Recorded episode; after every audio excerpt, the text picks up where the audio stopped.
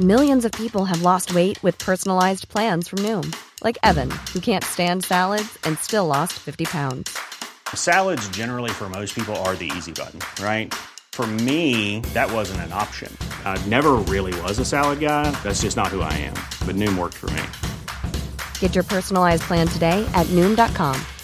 Real Noom user compensated to provide their story. In four weeks, the typical Noom user can expect to lose one to two pounds per week. Individual results may vary.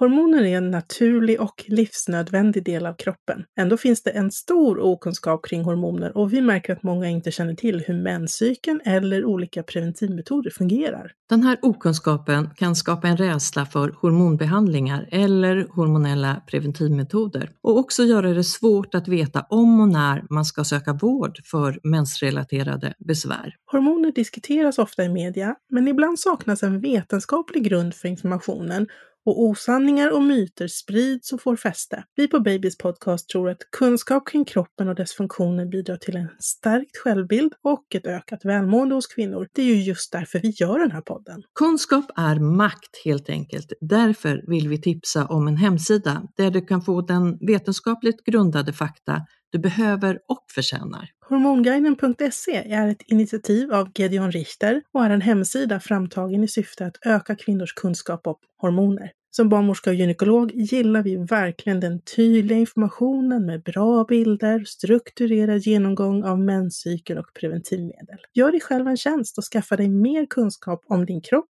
och dina hormoner. Besök hormonguiden.se.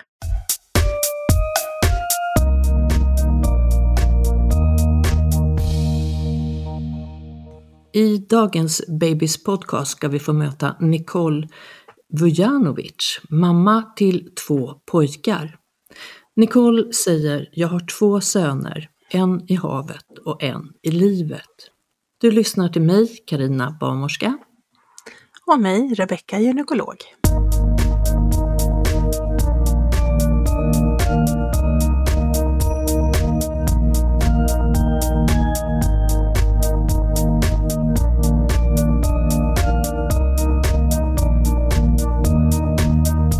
Varmt välkommen Nicole. Tackar, tack. Och tack för att du delar med dig av något så väldigt viktigt. Ja, tack för att ni tar upp detta viktiga ämne.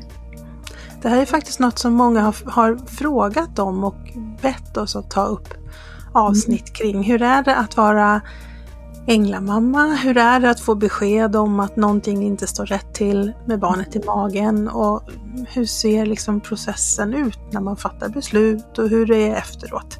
Mm. Så att du, du och din historia är efterfrågad, Nicole. Ja, ja men jag kan ju själv känna igen det i och med att jag har gått igenom det jag har gått igenom och då eftersökte jag själv just den informationen eller liknande historier, upplevelser. Så att eh, jag kan tänka mig att det finns ett behov. Ja, du har ju verkligen gått igenom det värsta med att ha förlorat ett barn, Nicole, och med mm. allt vad det innebär. Men vi ska väl också säga att du har ju en son, som jag sa där inledningsvis, en i mm. livet, din son mm. Nico, som idag är 14 månader. Mm. Så det kommer att handla om det och det kommer att handla om den där som vi kallar stilla födseln, men också om att vara mamma och om man nu, alla vill inte kalla det änglamamma, jag vet inte vad du vill kalla dig, bara mamma kanske? Ja, mamma, änglamamma. Det, för mig är det inte något viktigt på det sättet, eh, varken eller så. Nej, mamma är fint, hur så. Ja, precis. Mamma det, man ingår, det ingår väl allting tänker jag ändå på något sätt. Det gör det. Mm. Men du, din, din första son mm. Louis, berätta.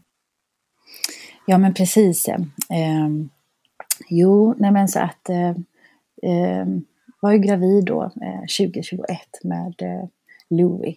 Ehm, och det var ju till en början en graviditet som var efterlängtad.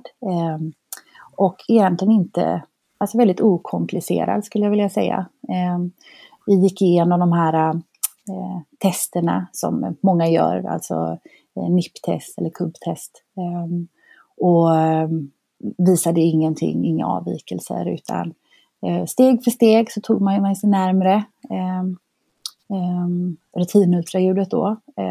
Och jag minns att när vi skulle när jag skulle gå in på rutinultraljudet då. Jag, jag ska också säga att det här var ju då under pandemin så det var ju lite restriktioner då kring anhöriga som fick vara med eh, på Östra. Ehm, och, ehm, och då var det så att då fick jag vara själv på det. Så att eh, min sambo han satt ute på parkeringen utanför i bilen då och väntade. Och vi var ju båda två väldigt trygga i att eh, nu ska vi få se honom på ultraljudet igen och eh, den här förväntan att komma över den här milstolpen eh, med rutinultraljudet. Ehm, och när vi kom in där, eller när jag kom in där då, då var jag själv som sagt, så gick de igenom eh, och mätte och eh, allt såg bra ut. Och sen minns jag att hon stannade till och till slut då när hon skulle kika på eh, huvudet och hjärnan. Ehm, och blev väldigt tyst då. Och att det stannade av allting. Och så sa hon då till slut att eh, jag ser avvikelser. Eh, vilket innebär att vi måste stämma av med en läkare. Det ser inte riktigt ut som det bör göra. Um, och då minns jag att det var som på film, att man liksom det var någon som bara drog, under, drog mattan under fötterna. Att liksom världen bara började gunga. Och jag vet att jag upprepade i huvudet, men gud vad sa hon? Vad menar hon? Um, och så upprepar hon ju då att uh, det inte ser ut som det borde göra. Och hon, skulle, hon, gick och hon lämnade också rummet ska jag säga, för att hon skulle stämma av med någon kollega tror jag. Ehm, men då fick vi beskedet då att, eller jag beskedet då att det inte, det inte var som det skulle helt enkelt. Utan hon såg avvikelser på, på hjärnan på bebisen. Ehm, och redan där så blev jag ju liksom, kastades jag in i någon slags tornado av känslor. Ehm, och vad hon sa var väl att eh, ja, vi kommer ringa dig så kommer du få komma in på ytterligare besök och få eh, undersökning av en, en annan då, eh, någon läkare istället. Eh, så jag fick ta på mig skorna och jackan. Och jag minns att jag var så här gråten i halsen, chockad. Och så, jag kände mig så otroligt ensam i detta. För då fick jag liksom ta på mig, lämna, gick där i korridoren själv och ut på parkeringen. Och sen skulle jag då förmedla den här informationen till min sambo som satt i bilen som inte förstod något. För jag fick ju knappt ut ur några ord vad som hade hänt då. Um, och det var ju lite synd tycker jag nu i efterhand just hur det hanterades kanske just kring när det var pandemin, att kanske borde någon följt med mig ut eller, eller ringt min sambo då, så han kunde också få en mer information, en, en, en hysterisk eh, Nicole. så. Mm. Um, men hur som så eh, fick vi åka hem med detta. Eh, och det var ju så otroligt många frågetecken. Vi förstod ju inte alls. Sen fick vi samtal hyfsat nära på där vi fick ny mötestid. Jag tror det var några dagar efter, som vi skulle komma tillbaka. Um, och där inleddes väl egentligen en otroligt tuff tid just den här ovissheten som var sen en följeslagare i hela den här processen. Det är något bland det värsta tror jag, ovissheten i alla olika typer av stunder kring detta. Ehm, men, ehm, men då fick vi som sagt eh, vänta tills vi eh, fick tid för att träffa ytterligare en läkare som fick kika på detta. Ehm, och eh, när vi var inne på Östra igen då, då fick min sambo följa med. Så såg jag då han, den här läkaren då, samma eh, avvikelser.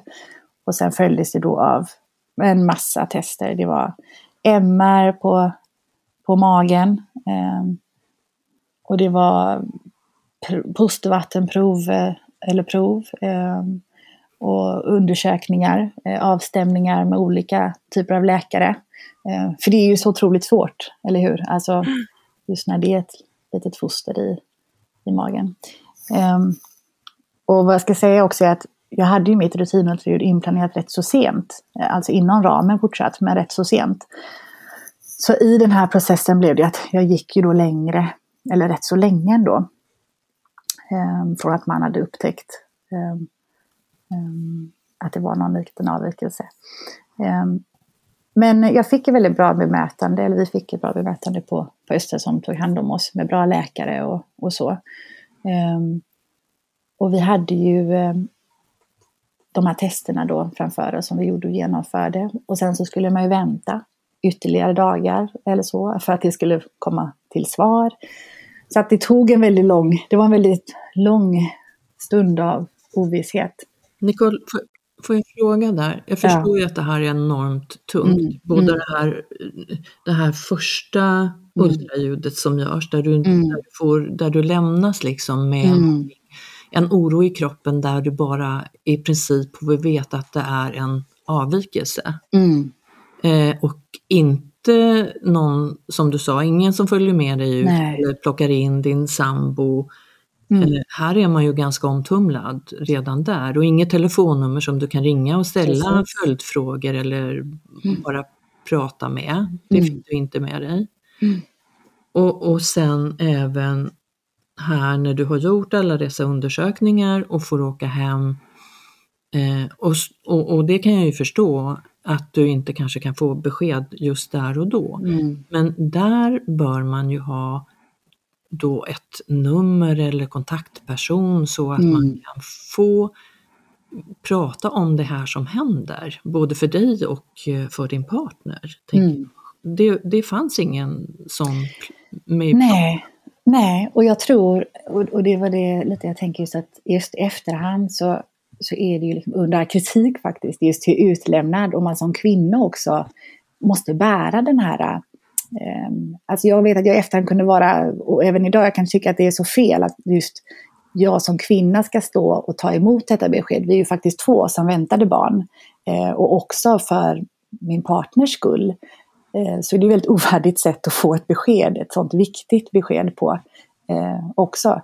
Ehm, och att det inte fanns då, som du sa där, liksom ett, ett, ett, nummer bara att kunna få, vad var det ni sa egentligen? För jag menar, informationen snurrar ju runt i huvudet på en. Alltså, jag vet att jag kunde sitta och säga, men gud, vad, eller var det så här? De kanske menade något annat. Det kanske inte var riktigt så allvarligt. Alltså, man vänder och vrider på allt i sådana lägen. Um, Ja men det gör man ju och här måste vi ju ta till oss i vården, mm. här måste ja. vi ju bli bättre. Mm det här kan ju inte ens vara svårt, tänker jag, att Nej. gå igenom alla steg för oss, hur vi, hur vi måste bete oss och, och bemöta mm. er som får de här svaren.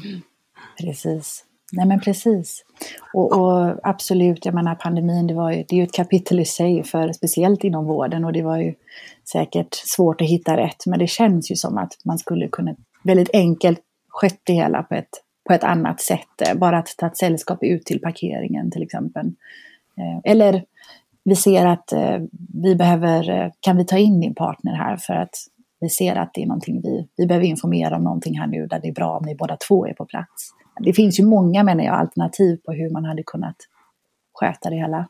Ja, det finns det. Och, och, och, och för er så är det ju så sår, sårbart i ja. den här oron som mm. ni befinner er i. Så det är ju inte heller ibland så förstår man ju inte ens att man behöver den hjälpen utan Nej. där måste vi ju förekomma mm. med att, att, ge ett nummer, en kontaktperson eller ett mm. stöd på något sätt mm. dit ni kan höra av er eller eh, mm. få återvända. Mm. I alla dessa frågor. För det här säger ju, eh, om jag förstår det rätt Nicole, det här mm. var den, kanske den allra tuffaste delen. Det här första och, och ett beslut som måste tas utifrån det här. precis. Precis. Jag undrar, det finns ju kuratorer på alla kvinnokliniker. Mm. Var det någon gång som man liksom tänkte tanken att man skulle koppla in det? Mm. Koppla in kurator. Jag vet att man gör den liksom när man har mera ja, en färdig diagnos och mm. det liksom blir dags att diskutera ett eventuellt avbrytande. Men, men mm. att koppla in det redan under den här väntetiden innan, ja, när mm. man fortfarande är i limbo. Mm. Precis, och det var ju ingenting som var på tal alls där utan eh, Ehm, utan det var ju först i senare skede jag kom i kontakt med kurator. Eh, då. Men inte under den här tiden utan då lämnades man liksom till den här ovissheten och, och snarare ja, men väntan på när vi skulle få svar, när vi skulle få komma tillbaka. Eh, de här tiderna att passa då såklart när vi skulle, som när vi skulle göra MR eller fostervattenprovet. Och jag tror också att man var ju väldigt försiktig med att man ville ju inte säga för mycket innan man hade all information. Eh, men eh, fortfarande perspektivet kring att kanske fånga upp mig eller oss då. Det, Mm. det, var liksom inte, det fanns inte riktigt med. Hade ni någon kontakt med er barnmorska i mödravården under den här processen? Nej. Eh, och nu i efterhand, jag menar jag hade ju en eh, fantastisk barnmorska på barnmorskegruppen här i Göteborg. Eh, men eh, just då jag, så slog det ju inte mig att ens ta kontakt där för att finna stöd. Utan Mm. man hamnar ju direkt i någon slags eh, chock och eh, ja, det rationella liksom försvinner ju på något sätt. Eller lösningsorienterade tänket försvinner. Och det är väl därför det är så viktigt att det egentligen borde finnas kanske då något stöd som, stöd som fångar upp det. Ja, något system som kickar Ja, in liksom, exakt. automatik. Ja, Ja. precis. Nej, men så att, eh, nej, så det fanns inte det, utan det var just det här, jag kom dit, gjorde prover, åkte hem och sen så var det provtagning nästa då och så åkte vi hem och så var det att vänta. Eh, och så satt man ju med Google då såklart. Mm. Ja, så är det ju. Som, som Ehm. vi gör. Ja, men som vi gör, som vi alla gör. Ja. Precis, och satt och vände och vred och, och så. Så att, eh, Och det Ja. kanske är bra många gånger fast det är ju inte riktigt det stödet Nej. som ni behöver. Så att det stödet hade jag ju önskat hade gått ut till både eh, Ja. kurator, eh, Aurora-mottagning, Mm. till barnmorskan dit du går på Mm. mödravården, barnmorskemottagningen. mm. Så att någon kan fånga upp dig, er, Ja. i det här. I Det den här. hade ju definitivt gjort skillnad, kan Mm. jag ju säga nu så här i efterhand. Att redan där blivit ja, fångats upp och absolut. Men det är därför det här avsnittet också Mm. är så viktigt. Det är Mm. för att det, vi ska ta lärdom, vi ska bli bättre. Mm. Och, och också lyfta det här när det värsta, när det svåraste händer. Mm. Hur vänner, nära vården kan stötta. Precis. Mm. Och hur också, om man orkar och kan, kan ställa krav själv. Mm. Precis. Och jag tror, ehm, precis, och det kanske vi kommer in mer på längre fram här, men jag tror det finns så otroligt mycket man kan göra mer. Eh, sen så är det ju också svårt. Eh, för det är en svår, tuff eh, situation. Och jag tror att innan man är där så är man ju inte ens speciellt intresserad av informationen eller den här bryggan då som ska byggas, som man säger, eh, när sånt här händer. Men desto viktigare är det att det finns någon typ av system som bara kickar in, som är solklart vad som, eh, ja men en process där. Mm. Eh, Men, eh, men sen som sagt, som jag sa innan där också, så när, de här, eh, när vi var på Drottning Silvia så jag gjorde MR'n eller när jag då fick träffa läkaren för fostervattenprov eller när de var in, kikade på ultraljud flertal gånger och gjorde om det då, eh, så fick ju ett väldigt bra bemötande fortfarande på plats, om man säger. Eh, till skillnad från vad jag kanske kände då när jag var själv då på rutinultraljudet så kände jag att jag ändå verkligen fick, eh, blev bra och väl omhändertagen eh, på följande undersökningar. Ehm, så att, eh, ja. Men det är ju hemma i de, de stunder där man är i sin miljö och ensam med de här tankarna. Det är ju där man behöver som mest stöd. Ja. Du går ju ändå med, med den här eh, med det här livet i Precis. magen. Mm. Med allt vad det betyder. Mm. Och jag tror också att det är så otroligt viktigt också som eh, i och med att om man nu då är om man nu då är och lever med sin partner, alltså det, är- det är ju en gemensam upplevelse men det är också två helt olika upplevelser. Eh, och där tror jag också det varit viktigt kanske att man fångar upp även partnern. Ehm, för att man har ju olika upplevelser i detta som kvinna då när man bär på barnet så är det ju så otroligt intensivt på ett sätt i och med att ja, men i alla de här äh, samtalen, undersökningarna så ligger ju då, ja men där inne låg ju Louis och sparkade och levde loppan. Alltså han var ju så otroligt levande. Um, och jag vet att jag minns alltså att jag minns att jag eh, när vi gjorde den här MR'n då eh, på magen och så det tar ju, man ligger ju i den här tuben, ni vet. Ehm, Mm.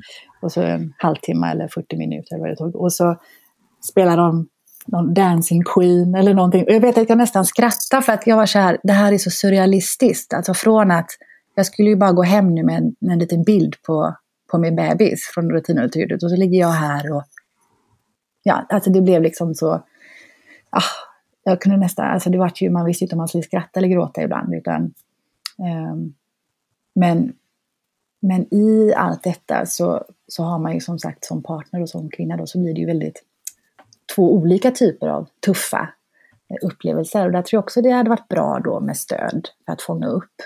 Um, som partner är det också tufft att stå bredvid och inte känna allting. Um, och förstå till exempel. Och, kunna, och att och inte få något ett stöd. Nej, precis. Ja. Och sen kunna vara ett stöd ja. för dig också. Det här är ju otroligt viktigt för er mm. båda. Mm, mm. Att uh, få mm. de rätta kontakterna och rätta stödet. Mm. Sen var det ju det här också när man ehm, just när man ska ta in de här ja, men provsvaren och så eh, slutligen då så hade vi ju ett eh, möte då med eh, flertal läkare. Och då hade de ju förberett oss också lite då att ja, men försök att skriva ner lite frågeställningar för att, eh, som är förberedda eh, och så skulle de presentera då hur prognosen såg ut och, och så vidare.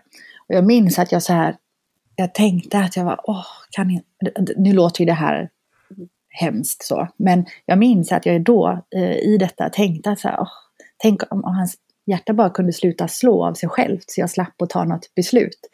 Eh, och det kanske låter egoistiskt i någons öron, jag vet inte, men just då så var det som panik i att behöva bära ett beslut. Eh, för det går ju någonstans emot varje mammas cell, eller hur? Att, att mm. avsluta något som man har, ett liv som man har inom sig.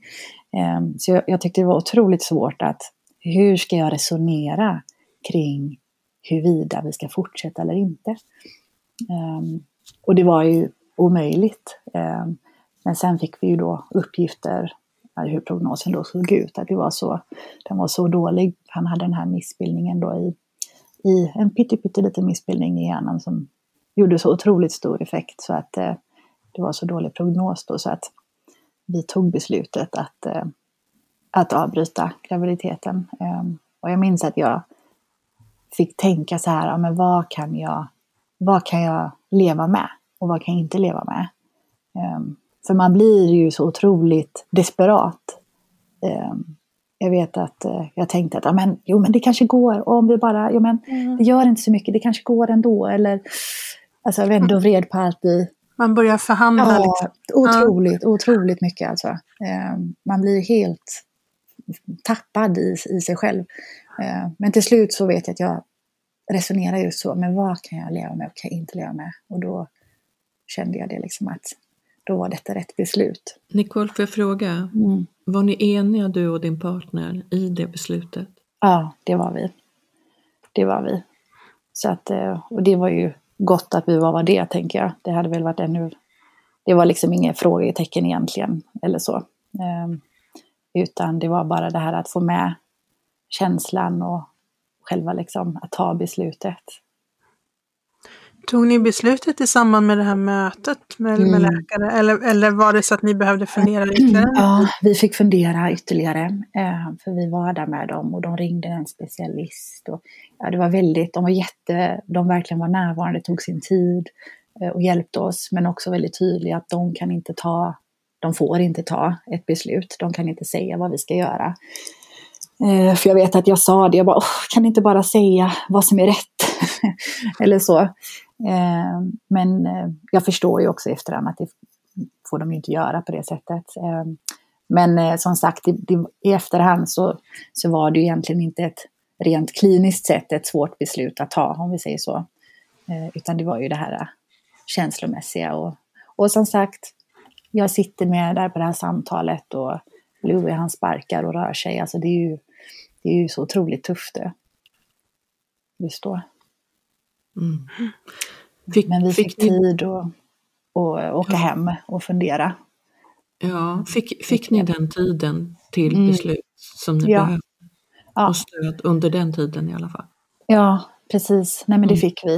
Um, sen var det ju så också innan där, uh, den veckan också, vi hade det mötet, så fick vi också träffa uh, kurator där för att uh, prata kring, eh, i och med att vi passerade vecka 22 så måste vi skicka in en sån här eh, ansökan då eh, kring sent, eller för att avbryta graviditeten. Vilket också var lite, ja, precis, exakt. Och det var ju också lite surrealistiskt, för då hade ju man inte ens... Jag minns att jag var nästan lite irriterad, för jag hade ju inte ens eh, öppnat upp för att, eh, att avbryta graviditeten, utan man höll ju på det här, i det här lilla halmstrået och hoppet att det skulle, vi skulle få bra resultat ändå. Vi skulle vara den där en på miljonen som fick, det har visat fel, det är ingen fara, det kommer bli bra.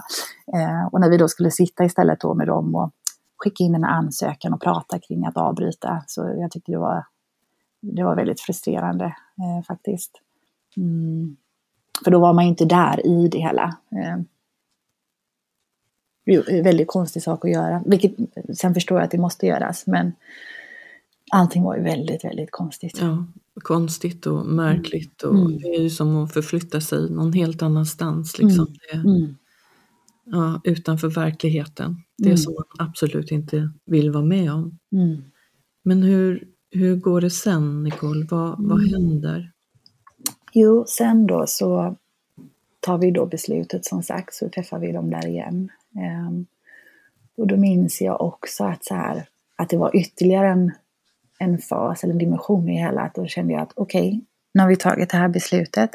Men nu vill jag bara att, nu får ni bara då eh, plocka ut honom. Ni får ta ett kejsarsnitt och så får det vara färdigt. Eller så, för att jag vill inte gå igenom eh, alltså förlossning och hela den här biten som skulle höra till. Men, eh, men eh, vi fick ju då, blev ju då inbokade eh, på själva, för att göra det här avbrytandet då. Och då var det ju inte, så, det är ju inte så att man bara får komma in och så gör de ett kejsarsnitt, utan, utan då får man ju göra det här avbrytandet, vilket innebär att eh, vi fick komma in där på en lördag, där fick jag ta ett, eh, ett piller då, som säger då ska stanna av, man säger då stanna av graviditeten. Ehm, och sen så var vi inbokade på måndag morgon för att komma in till Östra då, för själva eh, förlossning om vi ska säga. Ehm, och där var väl också, skulle jag väl säga, det är många som är värsta, värsta tillfällen, men det var en sån otroligt jobbig stund eh, att ta det här pillret, att liksom dra ur pluggen på något sätt. Ehm, att den, eh, och den hade jag väldigt tufft även efteråt i bearbetningen att hantera. Att jag, liksom hade, jag kände en otrolig skuld efter, efterhand nämligen. Eh, känslomässigt just att jag, hade, att jag tog det där pillret, att jag liksom avslutade hans liv på något sätt. Även om jag intellektuellt förstår, eh, förstod det så hade jag jättetufft att hantera det i efterhand. Men, eh, men det, det var det, vi fick, jag tog det här pillret och sen då så skulle man ju vänta då hemma då lördag, söndag till måndagen. Och den väntan var ju inte, den var inte rolig. Den var riktigt tuff. Um, Hur kunde du fylla de dagarna? um, ah, gud, jag minns knappt. Jag vet att jag, det var, jag hade sån fruktansvärd ångest och panikångestattacker och mådde jättedåligt. Um, samtidigt så gick ju också bara tiden. Så att jag menar, för, skulle försöka äta, skulle försöka eh, bara ta sig igenom dagarna. Jag tror att jag också, ja men jag var ute och promenera, eh, prata med vänner. Eh, jag, hade, jag tror jag var i sån chock också, allting gick ju väldigt långsamt men också väldigt fort. Eh, så jag tror att å ena sidan så var det så otroligt mycket känslor och samtidigt så stängde jag också av så otroligt mycket. Och det blev väldigt kliniskt allting. Men jag tror att det blev för mycket att hantera just de här dagarna. Eh, så jag tror jag stängde av på något sätt. Och bara någon slags, jag var nog i någon slags limbo bara. Eh, men jag minns att jag hade någon sån riktig... Jag vet, jag satt på badrumsgolvet och bara, jag var så ledsen och utom mig. Och, och jag bara... Och så vet jag att jag bara sådär ut i luften liksom, så här förlåt. För jag var så ledsen för, för hans skull och vad jag, vad jag var tvungen att göra liksom. Um, men uh, så det var väldigt uh, emotionellt och, och också det här att när ska vara sista, när ska vara sista gången jag känner honom? Och jag vet ju när det var då på, på söndagen. Mm. Ja, vad tufft. Mm. Och man förstår ju verkligen också det här när du säger att uh, man stänger av Mm. Vissa stunder på dagen. För det blir ju övermäktigt och det Ja. är ju alltså, det är ju så vi funkar de flesta av oss. Ja. Det är ju helt normalt. Ja, precis. Nej, men det är väl en överlevnads... Ja, en strategi vi har, både i det medvetna och undermedvetna, som vi gör. Eh, Och jag tror att eh, det är ju så, det är ju alldeles övermäktigt att ens befinna sig i den eh, utdragna processen. Men, eh, men måndagen kom ju, måndag morgon kom eh, till slut. Och då, då kände jag ju inte att han rörde sig, utan då var han ju stilla liksom. Eh, så söndag till måndag där så hade han ju slutat att röra sig. Och då tror jag också att när vi skulle åka in där tidigt, sex på morgonen, så då var jag nog, ja men jag var rätt frånkopplad måste jag säga. Det var ju väldigt mörkt bara känner jag. Men, eh, men vi åkte in då eh, och då var vi ju på Östra. Fick jättefint bemötande av två eh, tjejer där. Och jag vet att de informerade lite då liksom hur det ja, men med smärtlindring och det gick till. Och jag vet också att jag var, jag var så omtöcknad så att jag minns inte riktigt, kunde inte heller riktigt ta till mig allting. Utan man var bara, jag tror det var lite så här, ja, men man bara gör, så man är på autopilot på något sätt. Ja. Jag hade ju läst lite grann, jag hade ju, vilket jag ändå är tacksam för, eh, jag hade ju kommit över, nu minns jag inte vem det var, men det var någon blogginlägg om någon liknande upplevelse. Så att, och då hade jag fångat upp det här att, ja, men att det finns ett, eh, lite då som förväntan vad som kommer ske, hur det går till och, och så, men också att eh, se till att träffa eh, din bebis efteråt. Mm. och det är jag väldigt glad för idag. För jag tror att hade jag inte sett det eller hört eller, eller så, vetat att det ens fanns en möjlighet till det, så hade jag missat den eh, chansen. Vilket i efterhand har varit så otroligt viktigt. Mm. Men var det Mm. ingen eh, liksom, i vården där vid avbrytandet som, som föreslog det? Eller när frågade in, om ni ville? Precis, och då är det ju det här när vi kom in då där till Östra eh, så informerade de ju då hur dagen kommer vara och så vidare. Och då frågade de om detta. Men jag tror att hade jag inte varit, hade, jag, inte- hade inte jag och min partner då pratat om detta innan så tror jag inte att vi hade, jag, jag vet inte om vi hade tagit det beslutet då. För, för jag tror inte jag hade varit mentalt redo att ta in information och ta beslut just då. För jag var så Mm. avstängd. Eh, Men jag vet att de frågade kring hur vi vill ha det och jag vet att de frågade även om fotavtryck och handavtryck. Och, och som där är ett exempel, där sa jag ju nej, nej. Men i efterhand hade jag absolut önskat att jag hade sagt ja till det. Eh, Men just där och då vill jag nog bara så här, eh, jag var liksom inte riktigt närvarande. Eh, Mm. Men de tog absolut upp det då.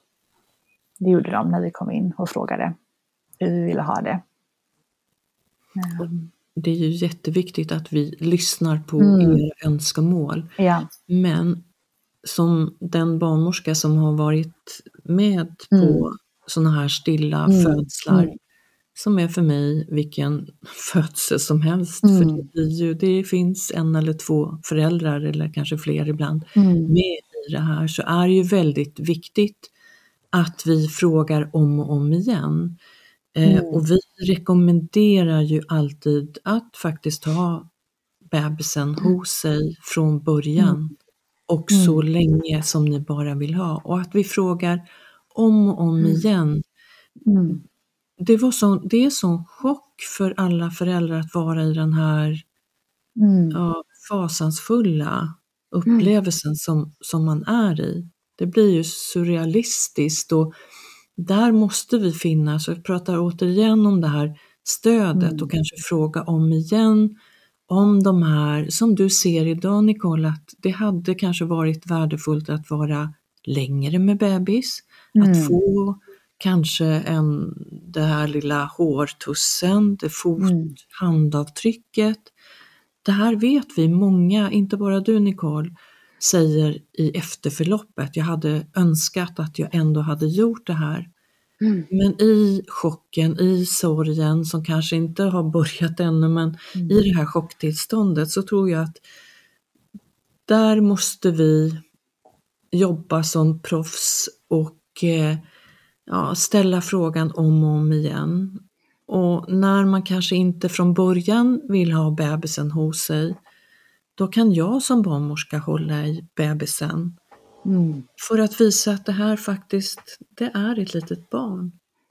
Det är en stilla födsel, det är en födsel, vad man kallar det, och det är ett barn. Och det här är så viktigt att, att ni får ta med er det finaste av.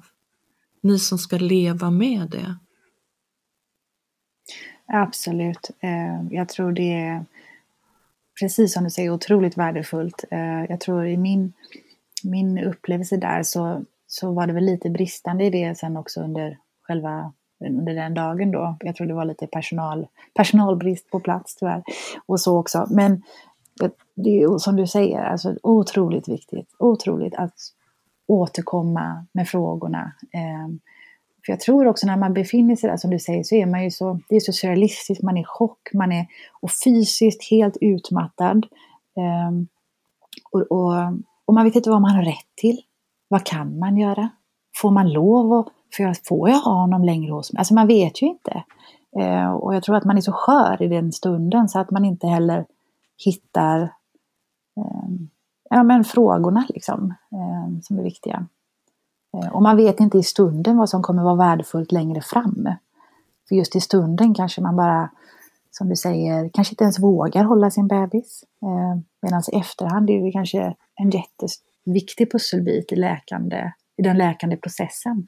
Så att där har ju ni verkligen ett jätteviktigt eh, jobb, tänker jag.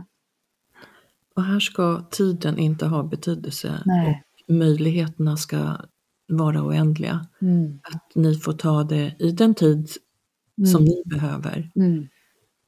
Om, om det är så att hålla bebisen efter en stund. Och Mm. varför jag säger att jag brukar hålla bebisar, för det är ju ibland så att man inte själv vill från början. Mm. Men att man måste närma sig bebis på sitt sätt och ibland så får det ta lite tid och att det är långsamt istället för att man bara lägger ner bebisen bredvid sig eller tar ut den till ett annat rum. Mm. Självklart ska vi göra det om, om det är era önskemål.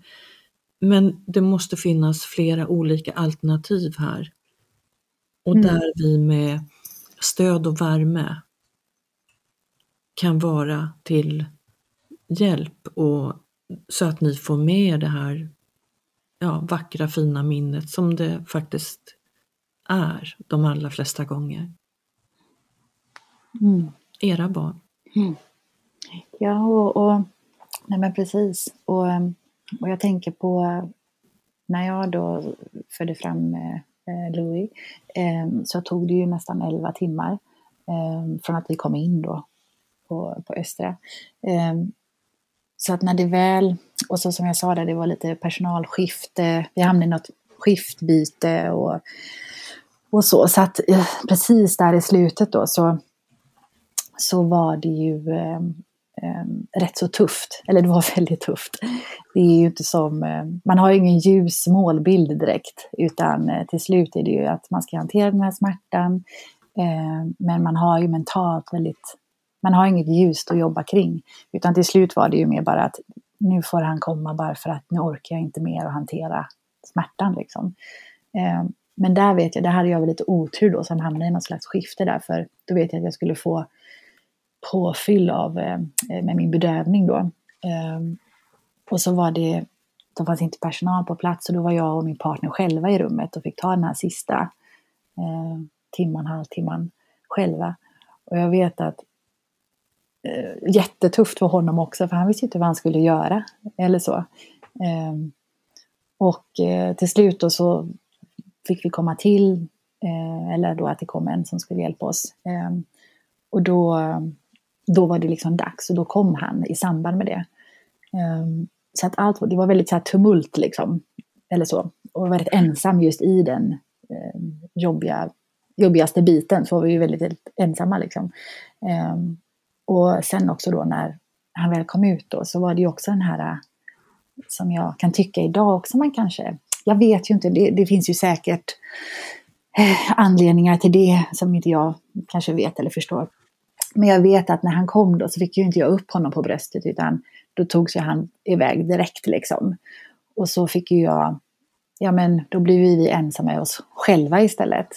Eh, och sen in på rummet och då fick vi ju vänta där och så kom de ju sen in med honom då. Eh, men jag vet att just den här, den stunden också var ju så otroligt brutal. Att så här, även om han föds stilla, att inte få upp honom på bröstet. Alltså, den var också väldigt tuff alltså. Vet du anledning till det? Nej, jag vet För mig inte låter det. det jättekonstigt. Ja. Nej, jag tänkte att ni kanske visste något, men nej, jag vet faktiskt inte. Eh, och jag vet inte om det var just för att det var ju så att de, jag skulle ju få bed, eh, ytterligare bedövning då egentligen. Så det, det blev ju säkert för den här barnmorskan också väldigt... Eh, ja, jag vet inte. Nej, det, det är möjligt att det är olika rutiner, Mm. men där tänker jag att där har vi, där har vi en, två personer att ta hänsyn Mm. till och det är er. Mm. Det finns Mm. inget annat och det, det finns ingenting som heter vänta på att få mer bedövning Mm. eller att inte få bebisen Mm. till bröstet direkt Mm. om man önskar. Nej. Eller ta ut bebisen till Mm. någonting annat.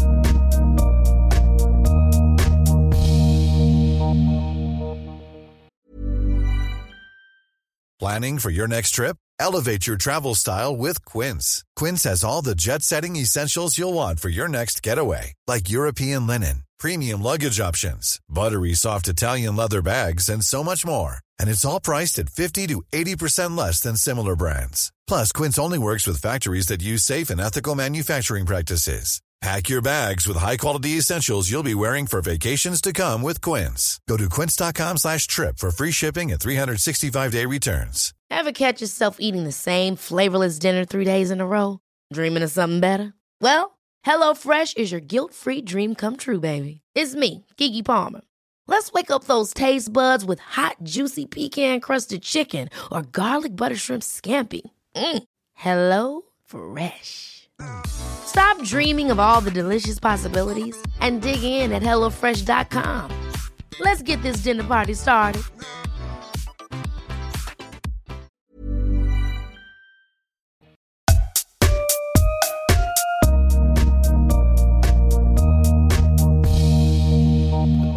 Du säger också att ni, blir, ni två blir ensamma på rummet. Mm. Och sen då så kom ju de in då med, med lilla Louie. Eh, och det var ju, eh, ah, det var ju liksom hjärtskärande men också otroligt fint. Alltså det, är- det är märkligt liksom att två så stora känslor kan vara på samma plats eh, samtidigt.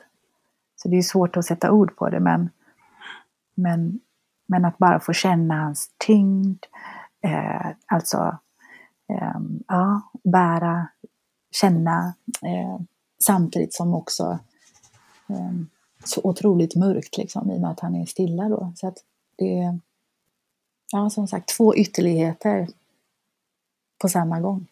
Och han är ju er. Mm. Mm. Ni har ju varit med om honom. Mm.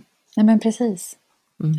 Och jag tror ju också, eller jag vet ju att det här jag sa innan att jag tänkte innan, alltså veckan där inpå då, att eh, jag sa det här att eh, men jag vill att de skulle, ni får göra kejsarsnitt och bara plocka ut honom och liksom så. För jag klarar inte av det här. Så kan jag ju nu i efterhand säga att det var ju, det är så otroligt värdefullt att, att ha gjort den här eh, hemska, jobbiga processen. Men det gjorde ju också att, att få, det gjorde det desto lättare att, att validera kring, ja men det här har hänt.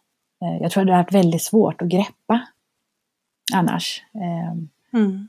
Och också, nu, nu finns det säkert de som väljer att inte träffa sina bebisar, så att man får göra det som känns rätt för sig såklart. Men för min del så har det varit otroligt viktigt i läkningsprocessen att, att ha hållit, burit, ehm, att förankra liksom att men det här är ju, han levde i mig, han, han finns.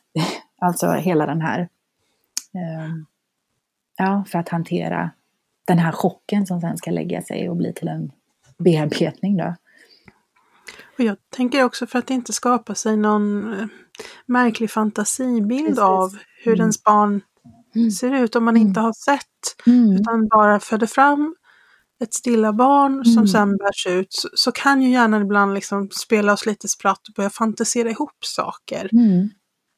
Så att det är värdefullt liksom att få se precis det du beskriver att ja, det är ett litet barn, det är helt stilla men det ser ändå ut som ett litet barn. Mm. Nej men precis, precis.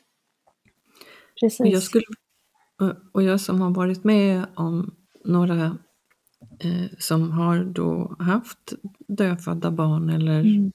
barn med avvikelse, man har gjort avbrytande, Mm. där är ju reaktionen alltid att, eller alltid, men till 90 procent och kanske över det, att kejsarsnitt är första utvägen för Mm. att bli av med det här barnet och Mm.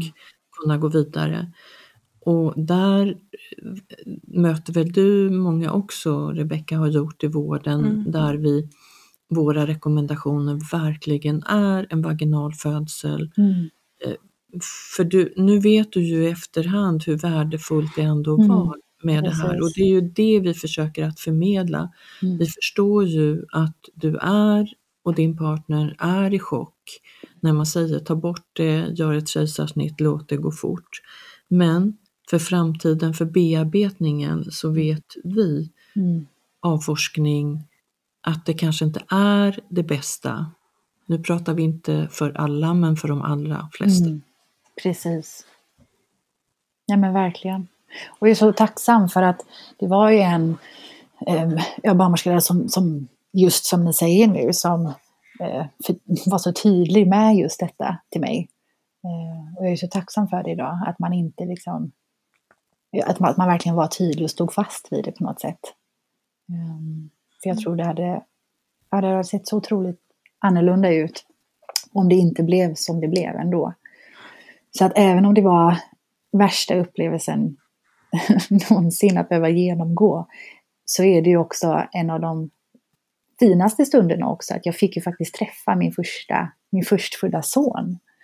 Eller hur? Alltså, Mm. Ehm, och som jag alltid kommer bära med mig. Alltså, så att det, nej, så otroligt viktig eh, stund.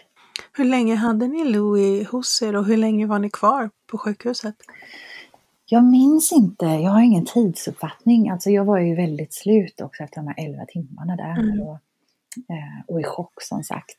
Eh, jag, jag vill säga att vi hade honom där några timmar men jag minns inte exakt faktiskt. Jag vet inte. Men jag vet att vi åkte ju hem samma kväll. Mm. Ehm, vet jag ju. Och jag minns att det var ja, men det här att okej, nu säger vi hej då. Och vi hade ju pratat innan om att vi ville ha ett sätt, alltså att vi ville kremera honom och, och ta hand om honom själva då, för det kan man ju få välja om man, vill, om man får hjälp eller inte med det. Ehm, men, men jag minns att det var också så surrealistiskt att okej, nu, nu ska vi gå, vi ska lämna Östra, eh, liksom, utan eh, bebis. Eh, det var, ju så, det var ju så fel, det var så många fel bara med den dagen.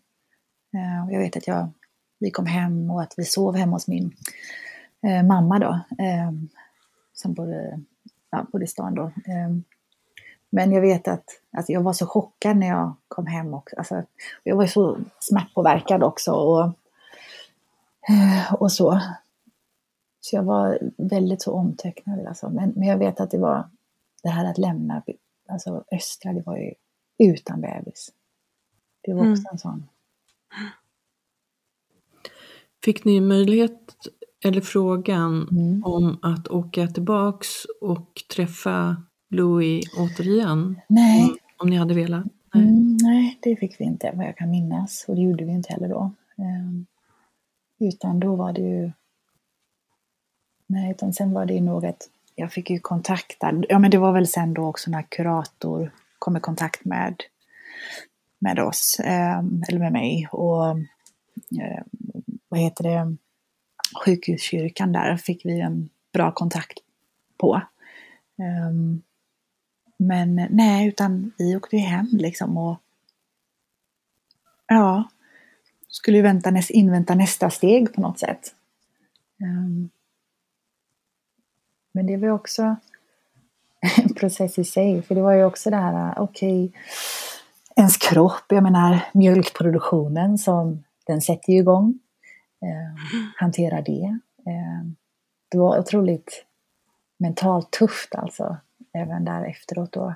Som jag kanske inte heller var riktigt förberedd på. Jag vet, de hade ju sagt det då, liksom, att ja, det här kommer ske och man just får eh, en papper med mig då hur man kan, du vet, med, eller ni vet med, ja men Alvedon hit och dit och om man vill, vad man ska, ha riktlinjer hur man ska sköta det. Eh, för att inte stimulera ytterligare och så. Men, men det var ju så otroligt att, alltså, att, att gå där hemma med tom mage då och mjölkproduktion och ingen bebis. Alltså det var så många slag i ansiktet om och om igen. Per, alltså dagarna som gick, det blev liksom, ja det var uppförsbacke kan man säga. Och dessutom så råkade du ut för en, en komplikation. Mm, ja, precis. Så att eh, när han kom så kom ju moderkakan och allting såg, såg bra ut. Men sen då så har man de här eh, efterblödningarna Eh, jag blödde rätt så mycket då, men eh, och så ehm, eh, är det ju vanligt då, hör man ju att ja, men det är inte så ovanligt utan det kan vara så. Ehm, men sen så blev det ju Eh, väldigt mycket så jag, jag var faktiskt inne tre gånger på eh, Lynakuten här i, i Göteborg. Ehm, eh, men och en gång då så, jo, men så såg de ju då att det var det ju en eh, ja, men någon slemhinna eller någonting som var kvar som låg där och störde. Eh, därför så läkte det inte riktigt då utan det fortsatte blöda då. Så jag var in och ut där och det tog väl ungefär tre veckors tid tror jag. Så, så blev det liksom inte, inte bättre. Eh, så till slut då så blev jag ju eh, inlagd. Eh, för då hade jag så dåliga värden också, så då blev jag inlagd med dropp och, och så. Och då fick jag ju göra en, en skrapning då också. Men det gjorde ju också att när man är så himla svag mentalt så var ju kroppen också helt sänkt. Så att, och jag ska, just det, det var faktiskt så här också, innan jag fick själva skrapningen så fick jag faktiskt hem, blev jag hemskickad med cytotäcke och göra en sån variant hemma också. Mm. Det vi kallar för medicinsk behandling för att dra ihop livmodern. Ja. Så det var ju rätt tufft för man är ju inte jättestark och pepp på, på något sånt. När man har liksom gått igenom det man har. Eh, eh, men jag vet att jag ville bara, oh, jag ville bara liksom bli normal igen på något sätt. Eh, men efter den här då, eh, jag blev inlagd och fick den här skrapningen så återhämtade jag mig fysiskt väldigt snabbt ändå. Eh, men det blev en väldigt utdragen process också. Mm. Mm. Hur såg det psykologiska stödet ut efteråt?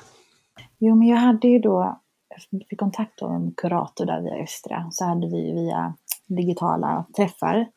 Um, men uh, hon var ju jättetrevlig och, och duktig och så på sitt. Men jag minns att jag tyckte att det var, det är ju så här, jag jobbar också då med ledarskap, mental träning, så jag är ju rätt duktig tycker jag då på att så här, se intellektuellt, förstå hur saker och ting går till, hur man behöver tänka, hantera sina tankar och så vidare. Så jag hade ju lite svårt att, att ge mig in i känslan, utan jag stannade ju mycket kvar i det här intellektuella. Jag tror också mycket för att jag var i den här chocken då och, och satte bort känslorna. Så när jag satt och pratade med henne så tyckte hon att jag hade kommit väldigt långt i min liksom, processer, för jag förstod ju allting. Sådär, jag tror att det här inte är jätteovanligt. Nej men alltså, nej. Ja, så att, igen. Ja. ja, precis. Så jag var ju väldigt så här, medveten och ja, nej, ja. Eh, så att eh, det var inte så många sådana samtal. Sen vet jag att till slut också, jag ställde in samtalen till slut. För att jag kände ju att jag tyckte det var, det var ju jobbigt det här att känna så. Mm. Um, så att uh, till slut så var det inte så mycket med det, utan jag liksom fejdade ut henne där på något sätt tror jag. Um, och försökte väl bara hantera det på egen hand på något vänster. Um, sen var det ju såklart till en början, jag menar, vissa dagar låg man ju på köksgolvet och bara var helt utom sig. Ehm, um, kände som man skulle drunkna. Och det kändes ju liksom som att, och det kan det ju fortfarande göra, alltså det är ju en del av en som är borta liksom. Det är som mm. att man saknar en arm. Nej men alltså det är ju en del av en som är borta. Eh, och att ta in det i det här första stadiet var ju otroligt tufft och svårt. Men sen dagarna gick liksom. Um, och det känns ju som att det aldrig skulle... Det känns ju som att man aldrig skulle kunna ta sig ur det här svarta hålet liksom. Um, och sen var det ju det här också, vi hade ju... Vi skulle ju planera vår begravningsceremoni som vi hade bestämt att vi skulle ha. Um, och det var ju också det som jag, som jag sa det till er att det var ju också de här smärtsamma stunderna att man skulle ju planera att eh, få komma hem med sin första bebis. Eh, alla de här stund, första gångstunderna så ska man istället planera en, en begravning. Hur mm. gör man det? För sitt barn. Alltså det är ju jätte... Det är så orimligt att ens ta i orden i munnen, speciellt just då. Men ehm, men det ingår inte i livsplanen Nej, som man gör för sig själv. Liksom. Nej, när det inte blir som man har tänkt sig. Mm. Men, eh, men vi hade bestämt att vi, min sambos föräldrar då, de hade ju en, eller har ett, ett sommarställe eh, vid havet. Och där hade vi bestämt att men, vi vill sprida hans aska där då. Eh, så vi gjorde en, eh, en eh, vi åkte då och hämtade urnan den dagen och sen var det vår närmaste familj som var med. Och solen sken, blå himmel, det var jättefint väder. Eh, vi drack champagne och löjromspizza, för det skulle vi egentligen gjort när han kom då. Ja. Nej, men det hade vi bestämt nämligen att så här, det skulle vi göra när han kom. Mm. Så då hade vi sagt det, bara, Åh, nej, vi måste ha med det. Um, så vi gjorde det där och, och dagen i sig var ju brutal. Brutal. Att liksom hämta ut den här urnan. Och jag minns att jag höll urnan och så här kände hans vikt och så tänkte jag tillbaka på när jag höll honom senast och kände hans vikt. Och, ah, men men eh, dagen fylld med sån ångest och till och från var jag nog med. Alltså i dagen. Men det var som att jag var om alltså vaggad av min familj. Alltså på något sätt. Jag kunde bara vara och de skötte på snacket, umgänge, alltså, och det skrattades och det gräts och det var jättevackert. Um, samt som det var jättetungt. Men, um, men det blev en så otroligt färgglad, fin dag och framförallt se tillbaka på. Um, mm. Jag är så glad att vi i den här mörka perioden, för det blir ju månader av mörker, så är det så fint att titta tillbaka på de bilderna från den dagen eh, och minnas liksom ändå eh, med ljus. Vilket otroligt eh, viktigt och vackert minne. Mm. Mm. Nej, det, men det, det blir väldigt fint faktiskt. Och här, från här så måste man ju, då, då kommer man ju in i nästa fas sen. Mm. Som man kanske inte, det går ju inte innan man har fått sagt det där äh, förfärliga farvälet på mm. något sätt. Utan mm. Man får vänta och ta det stegvis och ta det i sin takt. Men det är ju dags för liksom sorgarbete sen. Vi måste ju gå in i den jobbiga processen också. Mm. Och det mm. vill man ju gärna skjuta på så länge det går. Till slut går det ju inte längre. Mm. Hur, hur, hur funkar det för dig Nicole? Jo, nej men eh, så jag sköt på det. ja. Nej men eh, jag tyckte nog att jag eh, eh bearbetade mycket. Men, eh, men jag sköt på det. Jag var så himla trött. Jag var så trött mentalt, fysiskt på att vara trött och ledsen. Eh, för det gjorde för ont att ta i som sagt jag hade ofta, eh, alltså, tidigare då, så jag, jag har yogat och mediterat mycket och, och, och så. Eh, men jag minns att jag kunde liksom inte ens lägga mig ner på mattan för att eh, i tystnad med mig själv. För då bara kom den här kraften som bara drog mig ner under vattenytan.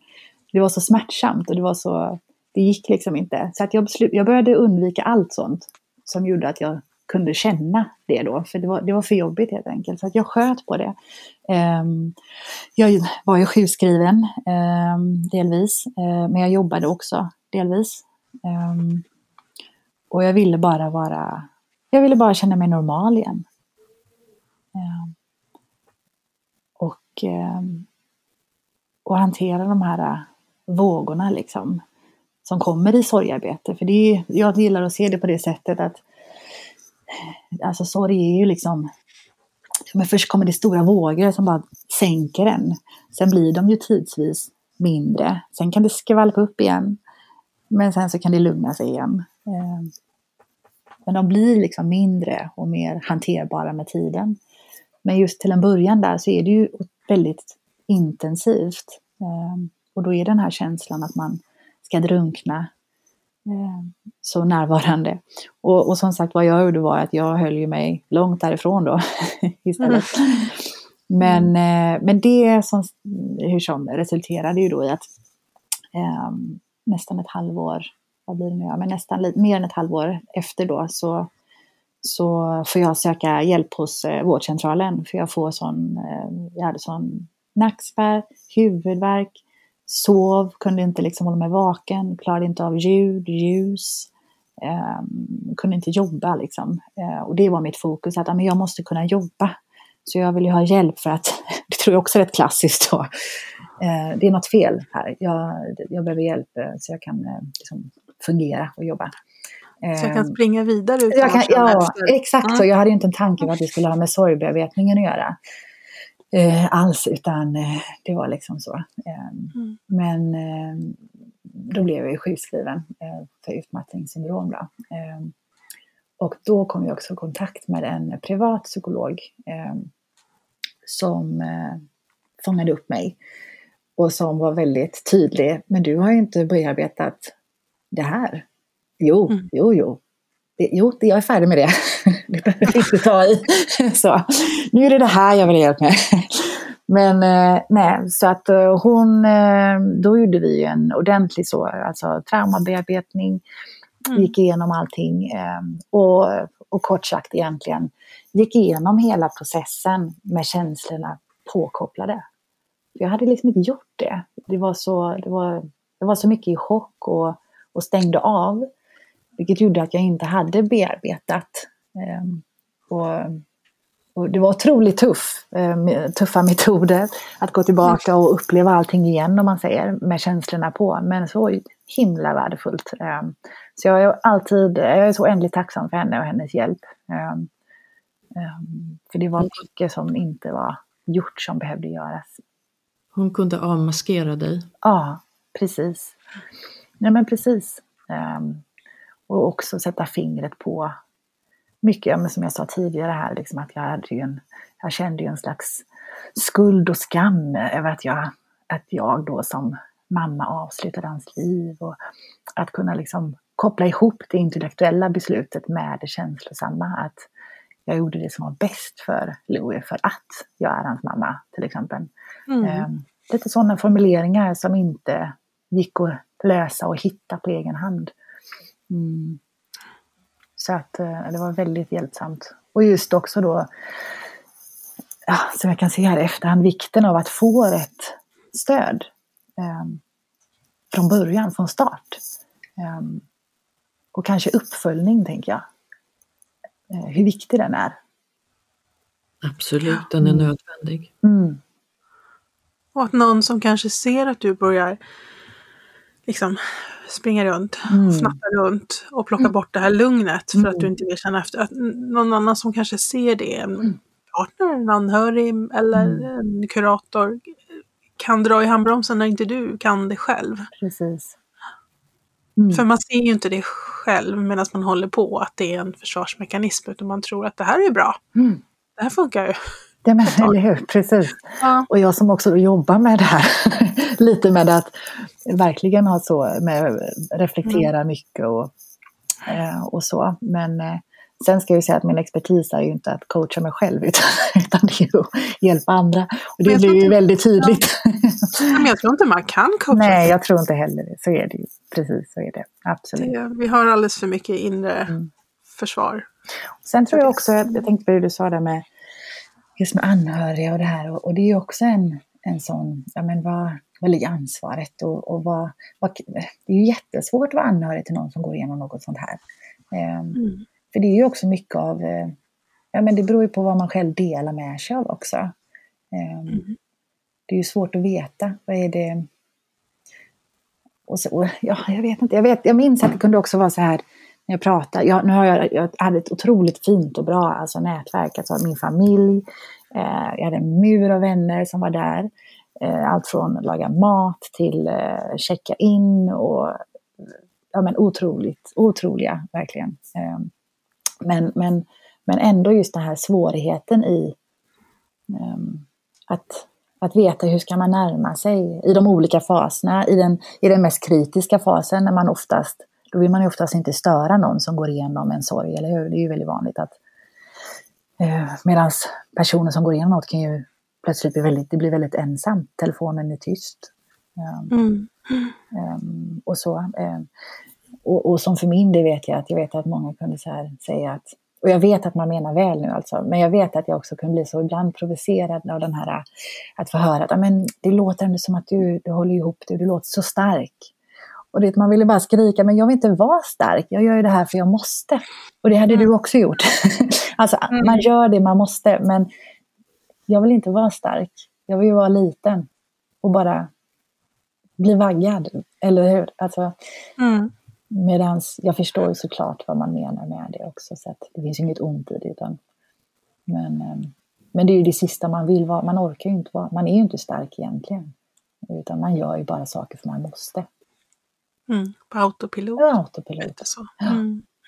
Um, och så. Sen, sen, måste man komma ihåg att an, så partner och anhöriga mm. har ju sin egen mm.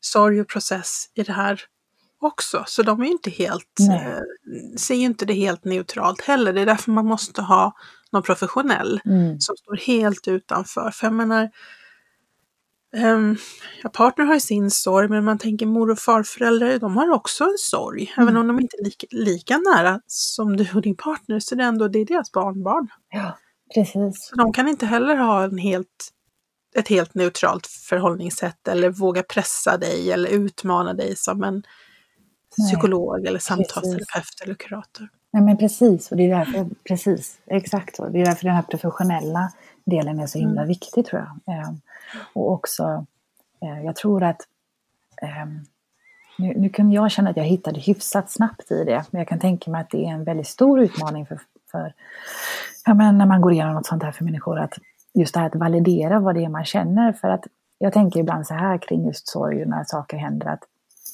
Eh, vi speglar ju ofta våra upplevelser och känslor i, i varandras ögon, eller alltså mm. omgivningen. Och om, om min morfar går bort så kan ju ni omgivningen ofta relatera till det. För de, de flesta har ju kanske en morfar eller så som kanske har gått bort eller, eller så. Man kan, mm. man kan känna in, man kan förstå. Eh, man kan känna igen stegen som kommer till och vad man ska göra och bete sig. Men de här situationerna är ju inte så vanliga och framförallt så är det inte så många som kanske, det pratas inte så mycket om det. Vilket gör att det blir ytterligare ett hinder där, ett avstånd. Alltså mm. hur man som i om, alltså anhörig eller bekant eller, eller vad som, hur man ska bemöta det. För man, det är inte så lätt för man har ju liksom inte den inblicken eller förståelsen. Och då tror jag att det är lätt att man som förälder då, som har gått igenom detta också tappar bort sig i det. Att inte validera vad man faktiskt känner utan då är det lätt att man speglar sig i andras ögon att ah, men det kanske inte är så, jag kanske inte har rätt, att det, det kanske inte ska göra så här ont, jag kanske inte ska leva ut den här sorgen riktigt. Um, eller förstår ni jag tänker? Jag vet inte om ni mm. känner igen det, men, mm. Mm. jag vet att det kunde ibland vara så att um, om man pratade med någon och så kanske någon var snabb på, på att, ja ah, men, oh, oh, gud, oh, jag har också en vän som var igenom det där. Eller, ah, ja, ja, jag fick också ett missfall det var sådana små triggande ord som, som för mig var liksom att och, och, nu kunde jag känna att jag ändå kunde ta så pass plats att ja, men för mig var inte det här ett, ett missfall och det, och det är inte för att förminska någon annans upplevelse men det här var mitt barn och alltså att man kunde ta den platsen men jag kan också se och känna att det kan vara otroligt svårt att, att ta den platsen och det tror jag kan vara mm. väldigt skadligt också att för det är svårt liksom, hur sörjer man någon som ingen får träffa? eller har träffat. Mm. Eller inte ens sett. Hur förklarar man den liksom? Storleken på sorgen. Mm, jag, kan, Jag kan tro många gånger att vi, vi är så rädda själva, vi som står utanför, Mm. att säga fel, att göra fel och Mm. därför så kan, Inget kanske är fel men ibland Mm. så, så kan det, som du säger nu, göra, Mm. såra dig lite ändå. Mm. Och det svåraste vi har det är kanske att bara vara. Mm. Att inte säga någonting utan bara göra mat, lägga en filt, lägga en hand på, sätta på lugnmusik. eh, Mm. Ja, se till att det här vardagliga funkar, att Mm. bara vara. Mm. Och, och ord kan ibland faktiskt vara överflödiga. Liksom. Det är den här närvaron av de som kan ge kärlek och stöd. Det är det vi behöver. Precis, eh, ja men precis så. För jag tror att man, man behöver liksom att någon bara håller space för en på något sätt. Eh, och, och det ligger väl i vår natur att vi vill ju gärna komma med lösningar för vi vill ju att våra, de som betyder något runt om oss ska må bra. Så man vill ju gärna komma med någon lösning liksom på något sätt. Medan man kanske bara behöver så här jag kan inte föreställa mig vad du går igenom just nu, men det måste vara fruktansvärt. Och, och jag, jag finns här. Ehm, vill du ha en kram? Vill du ha... Ska jag bereda en macka? Ska vi bara sitta tysta en stund? Alltså, man behöver inte lösa någonting mer, utan... Och den är tuff, tänker jag. Men att man också är tillåtande i det här att du får gråta och vara och bli vaggad, Mm, kramad. Det är ju det, är ju det kanske vi behöver mest av allt. mm, Ja, det är svårt för det finns ju inte, finns ju inte rätt eller fel. Vi är alla olika och vi hamnar ju i en ja, så absurd situation så det går ju inte att föreställa sig hur, hur, eller hur vi ska fungera. mm, Du sa det här också med att vi, för dig det här att du ville tillbaks till jobbet eller, och, och det kan ju för många vara positivt för sorgeprocessen men där måste vi verkligen eh, känna in också, inte bara stänga av, gå till jobbet för att stänga av. mm. För att ibland så handlar det, handlar det om att rutiner och struktur i vardagen kan faktiskt vara bra hjälp i sorgen också och det här kan vara viktigt i en del. Så eh, det finns inte heller någon lösning att säga att du måste vara hemma tre månader, sex månader, ett år. För det är så lång tid det tar. Utan här, här måste vi känna in och få kanske lite hjälp på traven. Vad är det som är bra för mig? Mm. Och för dig så var det på, på det här sättet, Nicole. Och det du, jag vet du, varför vi lyfter det här, det är ju också för att ge er där ute, både vårdpersonal och ni som har gått igenom det här och går igenom det här, eh, kanske lite viktig information om var, vart ni kan vända er och det är ju också till nära och kära. Men det jag skulle vilja lyfta det är ju sjukhusen ställa högre krav på de kuratorer och stödpersoner som finns där. Men externt så finns det ju eh, spädbarnsfonden som jag. Mm. som jag skulle vilja lyfta där det finns många i samma situation och den drivande här är Ingela Rådestad som vi tidigare har eh, som vi tidigare har intervjuat. Det är ett tag sedan nu och det är väl dags att, och, att de får gästa oss igen tänker jag. För hon har ju genomgått det här själv. Och hon har ju gjort otroligt mycket för stilla födslar och det många kallar för änglamammor, änglapappor. Eh, hon har gjort en bädd till exempel till, till de här nyfödda barnen som inte har eh, ett liv utan får vara ändå med sina föräldrar så länge man behöver på sjukhuset. Sen så kan man ta del av deras hemsida för att få information. För när det värsta händer då, då kan den här informationen vara viktig. Vart man vänder sig, vad, hur man ska göra med ditten och datten. Här kan man få mycket stöd och hjälp och det, det tror jag har hjälpt er också Nicole, var det inte så? Precis, det var en eh, vän till mig som, som eh, nämnde spädbarnsfonden till mig. När, det var väl bara några dagar efter vi hade kommit hem där. eh, som, som sa att men här, det här ska du kika på. Ehm, och det var ju jätte, jättebra.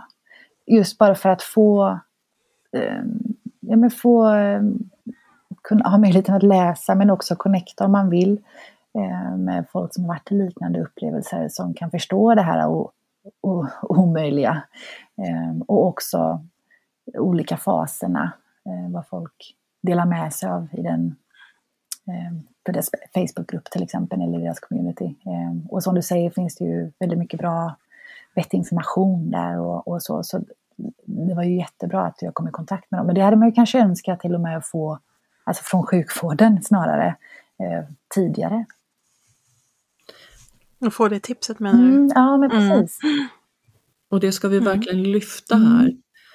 Eh, att det, det, och det måste finnas. Eh, Spädbarnsfonden har ju någonting som heter Minnespåsen och det är en påse som, som ska, bör finnas på varje förlossningsklinik, födelseklinik, när någonting sånt här händer. För här i den här så finns det ju information och handfasta råd som är då baserade på vad föräldrar som har förlorat ett barn eh, har sagt är värdefullt och det är ju tips till dig som då har mist ditt barn Eh, Eh, och här finns det då till och med sådana avtryckssätt för så man kan göra de här avtrycken på fot och hand och checklista faktiskt i syfte att samla de här minnena, de här viktiga minnena eh, som du saknade lite grann, som vi inte ska behöva sakna.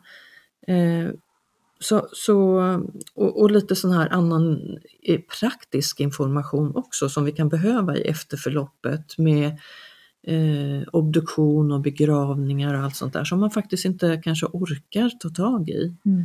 Så spädbarnsfonden.se, jätteviktig. De säger ju de minsta kisterna är tyngst att bära. Mm. Och så är det. Så är det verkligen. Mm. Jag vet att du har fött ett barn, ett nytt liv, mm. Nico. Mm. Och jag tänker Nicole att det är inte bara ett nytt liv utan det är ett nytt avsnitt till, mm. tillägnat dig, din familj och ditt barn Nico. Jag känner att det här vi har pratat om idag, det är så värdefullt, det är tillägnat såklart dig och din familj ja. och din son Louis. Mm. Och det som du och ni har genomgått med Louis och alltid kommer bära med er i mm. er inte bara i hjärta utan i hela kroppen. Så därför tänker jag att eh, om du orkar och har lust att berätta om det nya livet med Nico. Mm, ja men absolut. Vi återkommer i ett alldeles eget avsnitt. Ja, det låter bra. Är det någonting som du skulle vilja tipsa, råda eller lyfta Nicole avslutningsvis? Till vårdpersonal eller till eh, mödrar med partners som genomgår det du har gått igenom? Mm. Um, jag tycker vi har lyft väldigt mycket eh, som är viktigt. Eh, och, och eh, jag skulle nog vilja säga det här just till vårdpersonal, sjukhus, alltså lyhördheten. Lyssna, känn in, påminn, var där. Vikten av att ställa frågor om och om igen. Man är i chock. Man orkar inte ta ställning direkt. Ehm, jag tror för människor som är i den här situationen, svåra, svåra situationen. Ehm, så även när det då känns som ett mörker som aldrig kommer ta över så det, det kommer ju bli bättre. De här vågorna kommer bli mindre. Ehm, jag brukar säga att sorgen blir mindre med tiden. Men saknaden den består. Men den här energin som sorgen tar kommer, alltså den kommer inte ta över lika brutalt som den gör till en början när man inte... För det, för det finns ju stunder där man tror att ska det alltid vara så här? Och nej, det kommer inte alltid vara så. Det kommer bli bättre, det kommer kännas bättre. Sen finns det ett före, det finns ett efter. Eh, men med det sagt också, ta professionell hjälp. Lever man med sin partner, ta hjälp tillsammans och separat. Um, och uh, ja, men, ta hjälp tror jag. Den är viktig. För att hantera de här svåra frågorna och den här aldrigheten i saknaden som är så otroligt eh, enorm. Um, men eh, det finns ett för, det finns ett efter och det, det blir bättre. Mm. Fina ord och fint avslut Nicole. Och någonting som vi kanske har glömt att lyfta det är ju också att på de flesta ställen så finns en sjuk, eh, sjuk, eh, sjukhuskyrka. Mm. Eh, och där präster av olika slag som vi också kan ta hjälp av. Varmt och stort tack Nicole för att du orkade lyfta det här brutala, det svåra. Oh, tack för att jag fick vara med. Jag tänker att det är så otroligt viktigt och, och jag själv vet att jag både under och efter eh, lyssnade till avsnitt, läste, försökte få information och höra historier och upplevelser. Så jag hoppas att kanske den här också kan bidra på något sätt eh, för någon annans del. Ja, det gör det säkert både för vårdpersonal och för andra mm. där ute. Så stort och varmt tack! Ja, tack! Så återkommer vi inom kort och får höra om eh, Nico, din mm. andra son. Ja, tack! Varmt tack Nicole! Tack! Rebecka? Ja? Ja, så svårt. Mm. Och så tungt och samtidigt eh, fint och vackert. Ja. Mm. Men det, ja. Jag tycker att vi, eh, eh, nej men vi lyfter liksom bra eh, poänger och saker som vi, eh, både som vår personal ibland mm. glömmer, men också lite grann vad vi ska tänka om vi är anhöriga eller mm. partners. Det här tror jag är ett avsnitt som kommer att vara värdefullt för många. Ja, vad fint, jag hoppas det. Det var mm. väldigt, det är ju värdefullt för mig också känner jag att få bara processa det ytterligare en gång tre år senare. Det mm. finns ju liksom, det är så många dimensioner i det också och det känns också meningsfullt på något sätt. Jag vet inte om jag ska, man kan uttrycka sig så, men det... Det kan man, ja, absolut. På något sätt göra det mer meningsfullt också. Och det kommer kännas väldigt fint att få återkoppla eh, dig Nicole mm. med Nico. ja men absolut. Ni, ja. Det är bara att ni hör av er, absolut. För det vet jag också när jag varit i kontakt med lite ja, men, eh, mammor som varit igenom olika, eller, alltså det är också väldigt ett ämne som också är, eh, är viktigt om man tänker, om jag tänker och, och kunna sprida lite ljus på. Absolut. Mm. Fram tills det avsnittet, tack alla för att ni har lyssnat och tack till Nicole så är Rebecka och jag och Nicole snart eh, tillbaks. Och fram tills dess så följ oss gärna på Instagram, ett babyspodcast och en väldigt, väldigt, väldigt massa andra poddavsnitt finns såklart där poddar finns. Tack som sagt för att ni har lyssnat. All kärlek till er därute. Hörs snart igen.